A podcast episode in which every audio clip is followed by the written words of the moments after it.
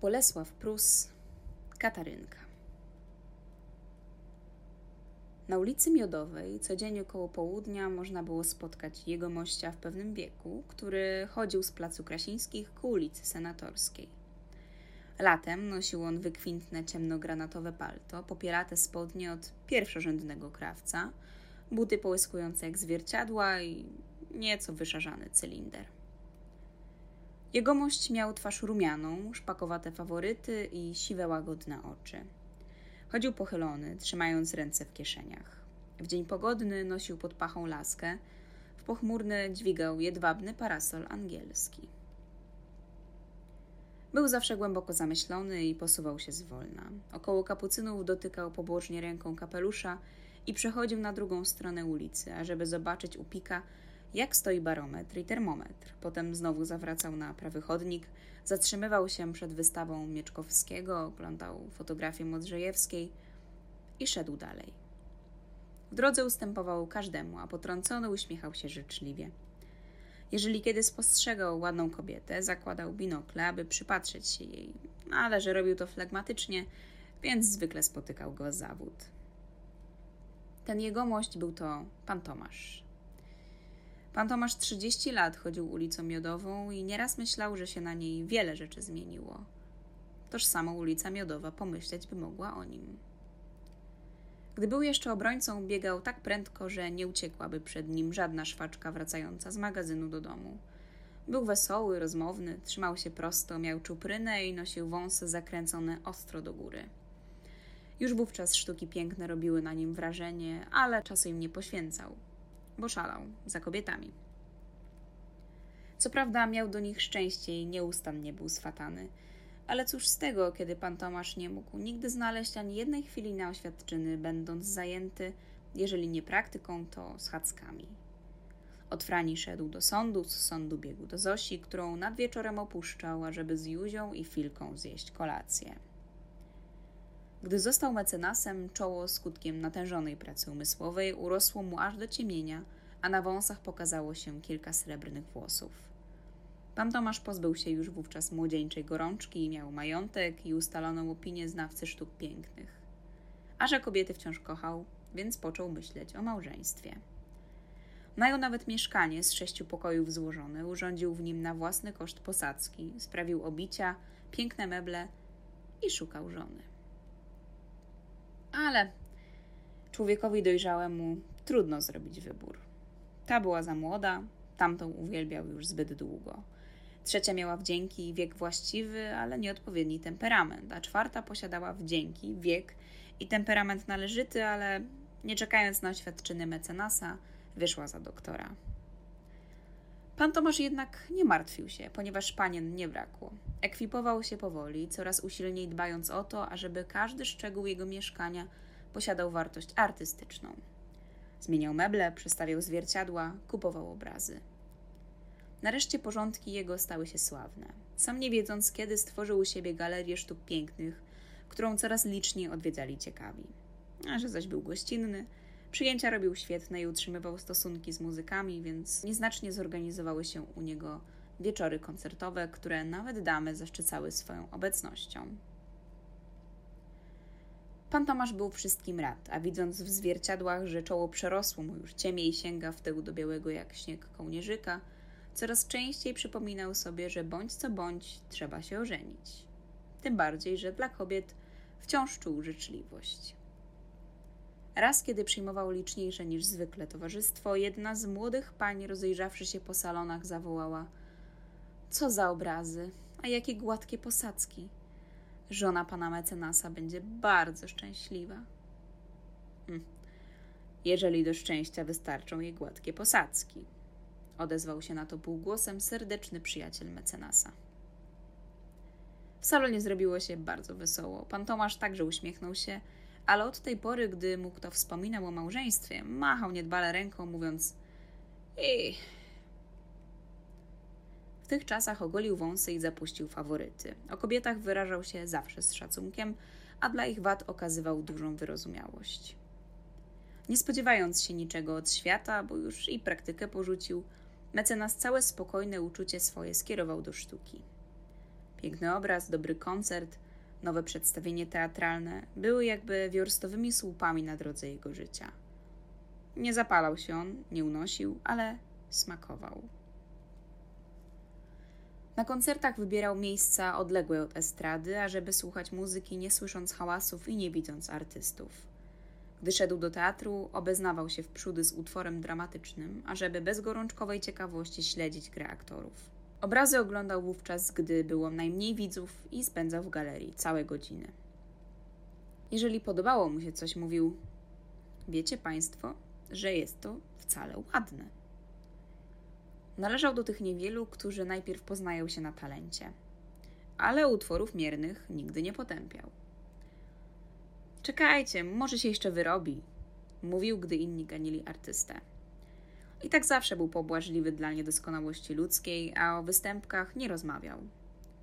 Na nieszczęście żaden śmiertelnik nie jest wolny od jakiegoś dziwactwa, a pan Tomasz miał także swoje. Oto nienawidził kataryniarzy i katarynek. Gdy mecenas usłyszał na ulicy Katarynkę, przyspieszał kroku i na parę godzin tracił humor. On, człowiek spokojny, zapalał się. Jak był cichy, krzyczał, a jak był łagodny, wpadał w gniew na pierwszy odgłos katarynkowych dźwięków. Z tej swojej słabości nie robił przed nikim tajemnicy, nawet tłumaczył się. Muzyka, mówił wzburzony, stanowi najsubtelniejsze ciało ducha. W Katarynce zaś duch ten przeradza się w funkcję machiny i narzędzie rozboju, bo kataryniarze są po prostu rabusie. Zresztą, dodawał, Katarynka rozdrażnia mnie, a ja mam tylko jedno życie, którego mi nie wypada trwonić na słuchanie obrzydliwej muzyki. Ktoś złośliwy, wiedząc o wstręcie mecenasa do grających machin, wymyślił niesmaczny żart i wysłał mu pod okna dwóch kataryniarzy. Pan Tomasz zachorował z gniewu, a następnie odkrywszy sprawcę, wezwał go na pojedynek. Aż sąd honorowy trzeba było zwoływać dla zapobieżenia rozlewowi krwi o rzecz tak małą na pozór. Dom, w którym mecenas mieszkał, przechodził kilka razy z rąk do rąk. Rozumie się, że każdy nowy właściciel uważał za obowiązek podwyższać wszystkim komorne, a najpierwej panu Tomaszowi. Mecenas z rezygnacją płacił podwyżkę, ale pod tym warunkiem wyraźnie zapisanym w umowie, że katarynki grywać w domu nie będą. Niezależnie od kontraktowych zastrzeżeń, pan Tomasz wzywał do siebie każdego nowego stróża i przeprowadzał z nim taką mniej więcej rozmowę. Słuchaj, no, kochanku, a jak ci na imię? Kazimierz, proszę pana. Słuchaj, że Kazimierzu, ile razy wrócę do domu późno, a ty otworzysz mi bramę, dostaniesz dwadzieścia groszy. Rozumiesz? Rozumiem, wielmożny panie. A oprócz tego będziesz brał ode mnie dziesięć złotych na miesiąc. Ale wiesz za co? Nie mogę wiedzieć, jaśnie panie, odpowiedział wzruszony stróż. Za to, ażebyś na podwórze nigdy nie puszczał katarynek. Rozumiesz? Rozumiem, jaśnie wielmożny panie. Lokal mecenasa składał się z dwóch części. Cztery większe pokoje miały okna od ulicy, dwa mniejsze od podwórza. Paradna połowa mieszkania przeznaczona była dla gości. W niej odbywały się rauty, przyjmowani byli interesanci i stawali krewni albo znajomi mecenasa ze wsi. Sam pan Tomasz ukazywał się tu rzadko i tylko dla sprawdzenia, czy wywoskowano posadzki, czy starto kurz i nie uszkodzono mebli. Całe zaś dnie, o ile nie przepędzał ich za domem, przesiadywał w gabinecie od podwórza. Tam czytywał książki, pisywał listy albo przeglądał dokumenty znajomych, którzy prosili go o radę. A gdy nie chciał forsować wzroku, siadał na fotelu naprzeciw okna i zapaliwszy cygaro, zatapiał się w rozmyślaniach. Wiedział on, że myślenie jest ważną funkcją życiową, której nie powinien lekceważyć człowiek dbający o zdrowie. Z drugiej strony podwórza, wprost okien pana Tomasza, znajdował się lokal wynajmowany osobom mniej zamożnym. Długi czas mieszkał tu stary urzędnik sądowy, który spadłszy z etatu, przeniósł się na Pragę. Po nim najął pokoiki krawiec, lecz że ten lubił niekiedy upijać się i hałasować, więc wymówiono mu mieszkanie. Później sprowadziła się tu jakaś emerytka, wiecznie kłócąca się ze swoją sługą. Ale od świętego Jana, staruszkę, już bardzo zgrzybiałą i wcale zasobną, pomimo jej kłótliwego usposobienia, wzięli na wieś krewni, a do lokalu sprowadziły się dwie panie z małą, może ośmioletnią dziewczynką. Kobiety utrzymywały się z pracy. Jedna szyła, druga wyrabiała pończochy i kaftaniki na maszynie.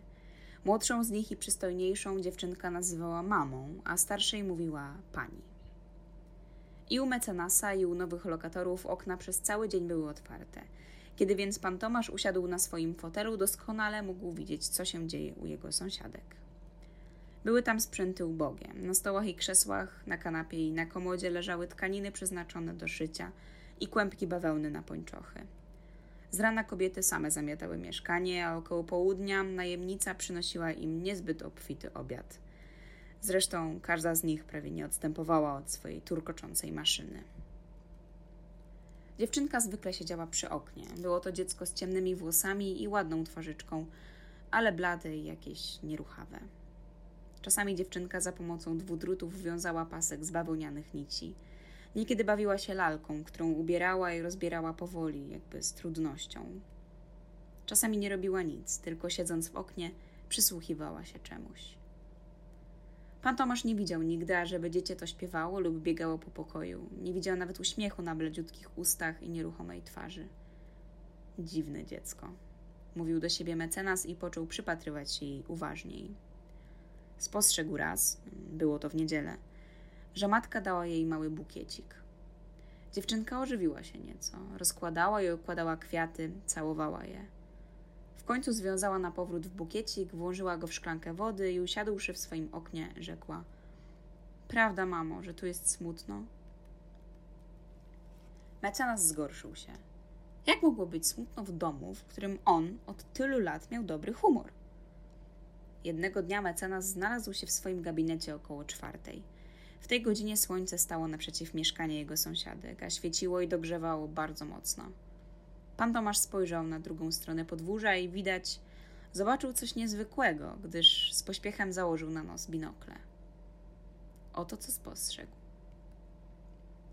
Mizerna dziewczynka, oparłszy głowę na ręku, położyła się prawie na wznak w swoim oknie i szeroko otwartymi oczyma patrzyła prosto w słońce. Na jej twarzyczce, zwykle tak nieruchomej, grały teraz jakieś uczucia, niby radość, a niby żal. Ona nie widzi, szepnął mecenas, opuszczając binokle. W tej chwili doświadczył kłucia w oczach na samą myśl, że ktoś może wpatrywać się w słońce, które ziało żywym ogniem. Istotnie, dziewczynka była niewidoma od dwóch lat. W szóstym roku życia zachorowała na jakąś gorączkę. Przez kilka tygodni była nieprzytomna, a następnie tak opadła z sił, że leżała jak martwa, nie poruszając się i nic nie mówiąc. Pojono ją winem i bulionami, więc stopniowo przychodziła do siebie. Ale pierwszego dnia, kiedy ją posadzono na poduszce, zapytała matki: Mamo, czy, czy to jest noc? Nie, moje dziecko. A dlaczego ty tak mówisz? Ale dziewczynka nie odpowiedziała. Spać się jej chciało. Tylko nazajutrz, gdy w południe przyszedł lekarz, spytała znowu: Czy to jeszcze jest noc? Wtedy zrozumiano, że dziewczynka nie widzi. Lekarz zbadał jej oczy i zaopiniował, że trzeba czekać. Ale chora, im bardziej odzyskiwała siły, tym mocniej niepokoiła się swoim kalectwem. Mamo, dlaczego ja mamy nie widzę? Bo tobie oczki zasłoniło, ale to przejdzie. Kiedy przejdzie? Niedługo. Może jutro, proszę mamy? Za kilka dni, moja dziecino. A jak przejdzie, to niech mi mama zaraz powie, bo mi jest bardzo smutno. Mijały dnie i tygodnie w ciągłym oczekiwaniu. Dziewczynka poczęła już wstawać z łóżeczka. Nauczyła się chodzić po pokoju omackiem, sama ubierała się i rozbierała powoli i ostrożnie. Ale wzrok jej nie wracał. Jednego razu mówiła: Prawda, mamo, że ja mam niebieską sukienkę? Nie, dziecko, masz popielatą. Mama ją widzi?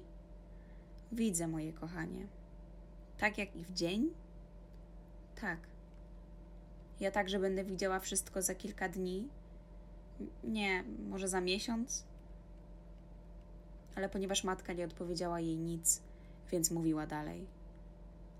Prawda, mamo, że na dworze ciągle jest dzień, a w ogrodzie są drzewa, tak jak dawniej? Czy do nas przychodzi ten biały kotek z czarnymi łapami? Prawda, mamo, że ja widziałam siebie w lustrze? Nie ma tu lustra?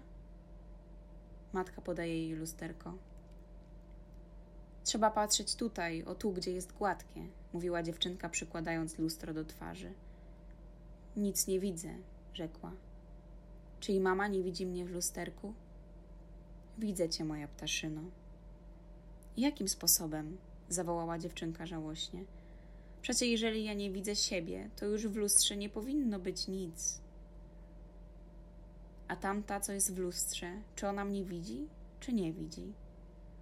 Ale matka rozpłakała się i wybiegła z pokoju.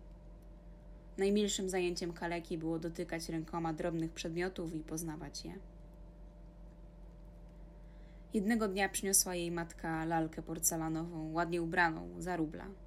Dziewczynka nie wypuszczała jej z rąk, dotykała jej noska, ust, oczu, pieściła się nią. Poszła spać bardzo późno, wciąż myśląc o swej lalce, którą ułożyła w pudełku wysłanym watą. W nocy zbudził matkę szmer i szept. Zerwała się z pościeli, zapaliła świecę i zobaczyła w kąciku swoją córkę, już ubraną i bawiącą się lalką. Co ty robisz, dziecino? zawołała. Dlaczego nie śpisz? Bo już przecie jest dzień, proszę mamy, odparła kaleka. Dla niej dzień i noc zlały się w jedno i trwały zawsze. Stopniowo pamięć wzrokowych wrażeń poczęła zacierać się w dziewczynce. Czerwona wiśnia stała się dla niej wiśnią gładką, okrągłą i miękką. Błyszczący pieniądz był twardym i dźwięcznym krążkiem, na którym znajdowały się jakieś znaki w płaskorzeźbie. Wiedziała, że pokój jest większy od niej, dom większy od pokoju, ulica od domu. Ale wszystko to jakoś skróciło się w jej wyobraźni. Uwaga jej skierowała się na zmysł dotyku, powonienia i słuchu. Jej twarz i ręce nabrały takiej wrażliwości, że zbliżywszy się do ściany, czuła o kilka cali lekki chłód. Zjawiska odległe oddziaływały na nią tylko przez słuch. Przysłuchiwała się więc po całych dniach. Poznawała posuwisty chód stróża, który mówił piskliwym głosem i zamiatał podwórko. Wiedziała, kiedy jedzie z drzewem chłopski wózek drabiniasty, kiedy dorożka, a kiedy kary wywożące śmiecie. Najmniejszy szelest, zapach, oziębienie się albo rozgrzanie powietrza nie uszło jej uwagi. Z niepojętą bystrością pochwytywała drobne te zjawiska i wysnuwała z nich wnioski. Raz matka zawołała służącą. Nie ma Janowej, rzekła kaleka, siedząc jak zwykle w kąciku. Poszła po wodę. A skąd wiesz o tym? Zapytała zdziwiona matka. Skąd?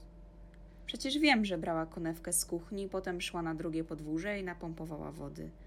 A teraz rozmawia ze stróżem. Istotnie z zaparkanu dolatywał szmer rozmowy dwóch osób, ale tak niewyraźny, że tylko z wysiłkiem można go było usłyszeć. Lecz nawet rozszerzona sfera zmysłów niższych nie mogła kalece zastąpić wzroku. Dziewczynka uczuła brak wrażeń i zaczęła tęsknić. Pozwolono jej chodzić po całym domu i to ją nieco uspokajało. Wydeptała każdy kamień na podwórzu, dotknęła każdej rynny i beczki, ale największą przyjemność robiły jej podróże do dwóch całkiem odmiennych światów do piwnicy i na strych. W piwnicy powietrze było chłodne, ściany wilgotne. Przygłuszony turkot uliczny dolatywał z góry, inne odgłosy niknęły. To była noc dla ociemniałej. Na strychu zaś, szczególnie w okienku, działo się całkiem inaczej. Tam hałasu było więcej niż w pokoju. Kaleka słyszała turkot wozów z kilku ulic, tu skupiały się krzyki z całego domu. Twarz jej owiewał ciepły wiatr. Słyszała świergot ptaków, szczekanie psów i szelest drzew w sąsiednim ogrodzie. Tu był dla niej dzień. Nie dość na tym, na strychu częściej niż w pokoju świeciło słońce, a gdy dziewczynka skierowała na nie przygasłe oczy, zdawało jej się, że coś widzi. W wyobraźni budziły się cienie kształtów i barw, ale takie niewyraźne i pierzchliwe, że nic przypomnieć sobie nie mogła. W tej właśnie epoce matka połączyła się ze swoją przyjaciółką i przeniosła się do domu, w którym mieszkał pan Tomasz. Obie kobiety cieszyły się z nowego lokalu, ale dla niewidomej zmiana miejsca była prawdziwym nieszczęściem. Dziewczynka musiała siedzieć w pokoju. Na strych i do piwnicy nie wolno było chodzić. Nie słyszała ptaków ani drzew, a na podwórzu panowała straszna cisza. Nigdy tu nie wstępowali handlarze starzyzny, ani druciarze, ani śmieciarki. Nie puszczano bab śpiewających pieśni pobożne, ani dziada, który grał na klarnecie, ani kataryniarzy. Jedyną jej przyjemnością było wpatrywanie się w słońce, które przecież nie zawsze jednakowo świeciło i bardzo prędko kryło się za domami. Dziewczynka znowu poczęła tęsknić. Zmizerniała w ciągu kilku dni, a na jej twarzy ukazał się wyraz zniechęcenia i martwości, który tak dziwił pana Tomasza. Nie mogąc widzieć, kaleka chciała przynajmniej słuchać wciąż najrozmaitszych odgłosów, a w domu było cicho. Biedne dziecko, szeptał nieraz pan Tomasz, przypatrując się smutnemu maleństwu.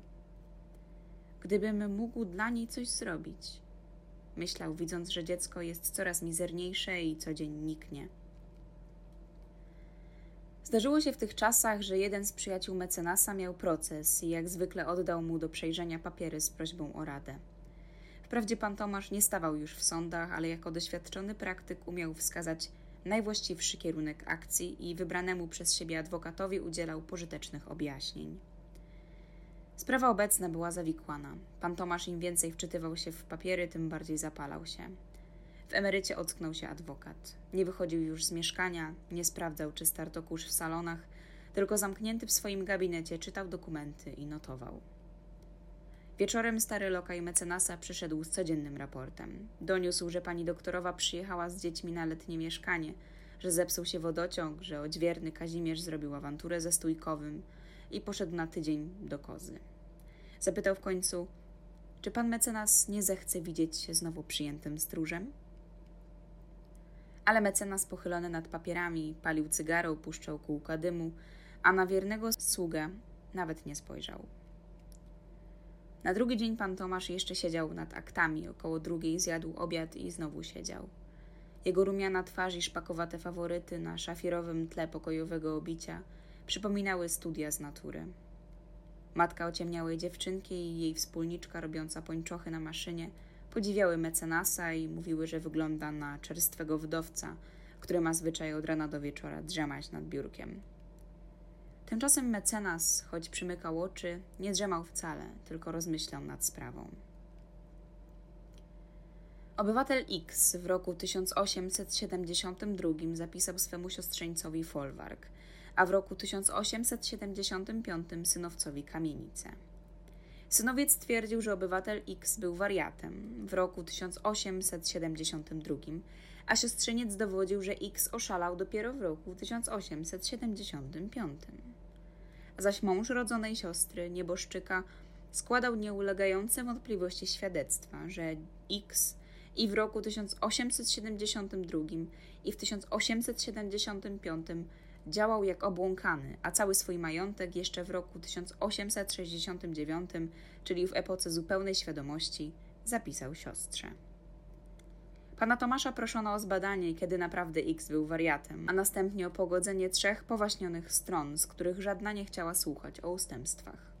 Gdy tak mecenas snurzał się w powikłanych kombinacjach, zdarzył się dziwny, trudny do pojęcia wypadek. Na podwórzu pod samym oknem pana Tomasza odezwała się Katarynka. Gdyby zmarły X wstał z grobu, odzyskał przytomność i wszedł do gabinetu, aby pomóc mecenasowi w rozwiązywaniu trudnych zagadnień, z pewnością pan Tomasz nie doznałby takiego uczucia jak teraz, gdy usłyszał Katarynkę. I żeby to przynajmniej była Katarynka włoska, z przyjemnymi tonami fletowymi, dobrze zbudowana, grająca ładne kawałki. Gdzie tam? Jakby na większą szykanę Katarynka była popsuta, grała fałszywie ordynaryjne walce i polki, a tak głośno, że szyby drżały.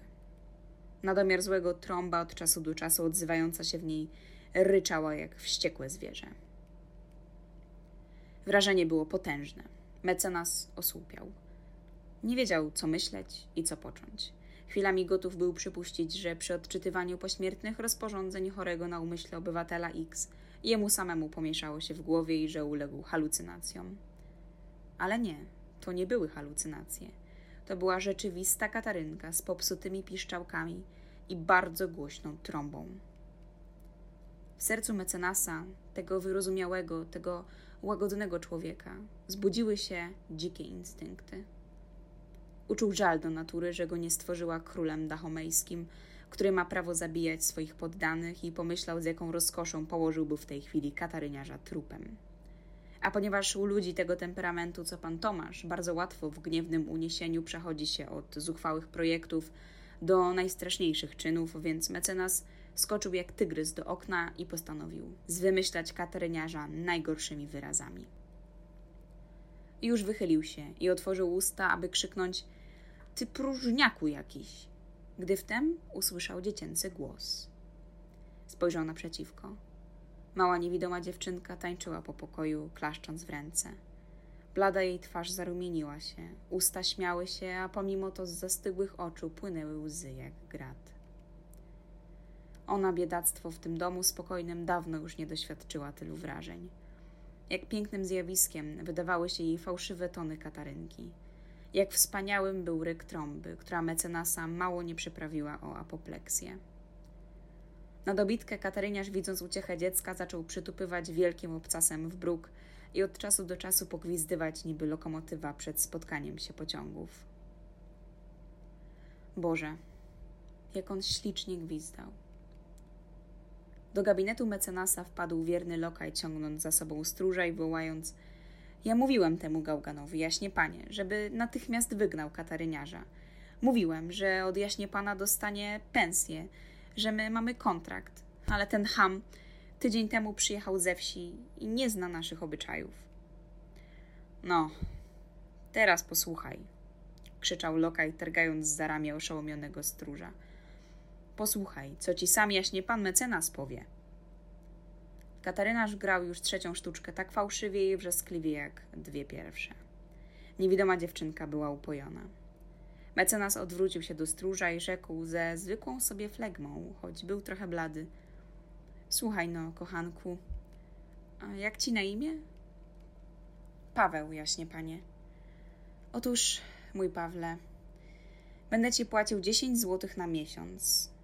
Ale wiesz za co? Za to, ażebyś na podwórze nigdy nie puszczał katarynek, wtrącił śpiesznie lokaj. Nie, rzekł pan Tomasz. Za to, ażebyś przez jakiś czas co dzień puszczał katarynki. Rozumiesz? Co pan mówi?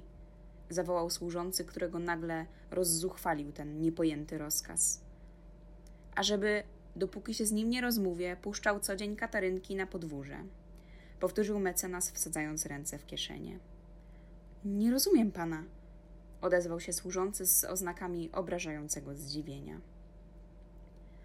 Głupiś, mój kochany, rzekł mu dobrotliwie pan Tomasz. No, idźcie do roboty, dodał.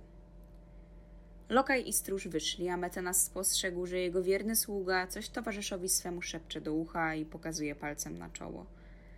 Pan Tomasz uśmiechnął się jakby dla stwierdzenia ponurych domysłów Famulusa wyrzucił Katarynce dziesiątkę. Następnie wziął kalendarz, wyszukał w nim listę lekarzy i zapisał na kartce adresy kilku okulistów. A że Kataryniarz odwrócił się teraz do jego okna i za jego dziesiątkę począł przytupywać i wygwizdywać jeszcze głośniej, co już okrutnie drażniło mecenasa, więc zabrawszy kartkę z adresami doktorów, wyszedł mrucząc: Biedne dziecko, powinienem był zająć się nim od dawna.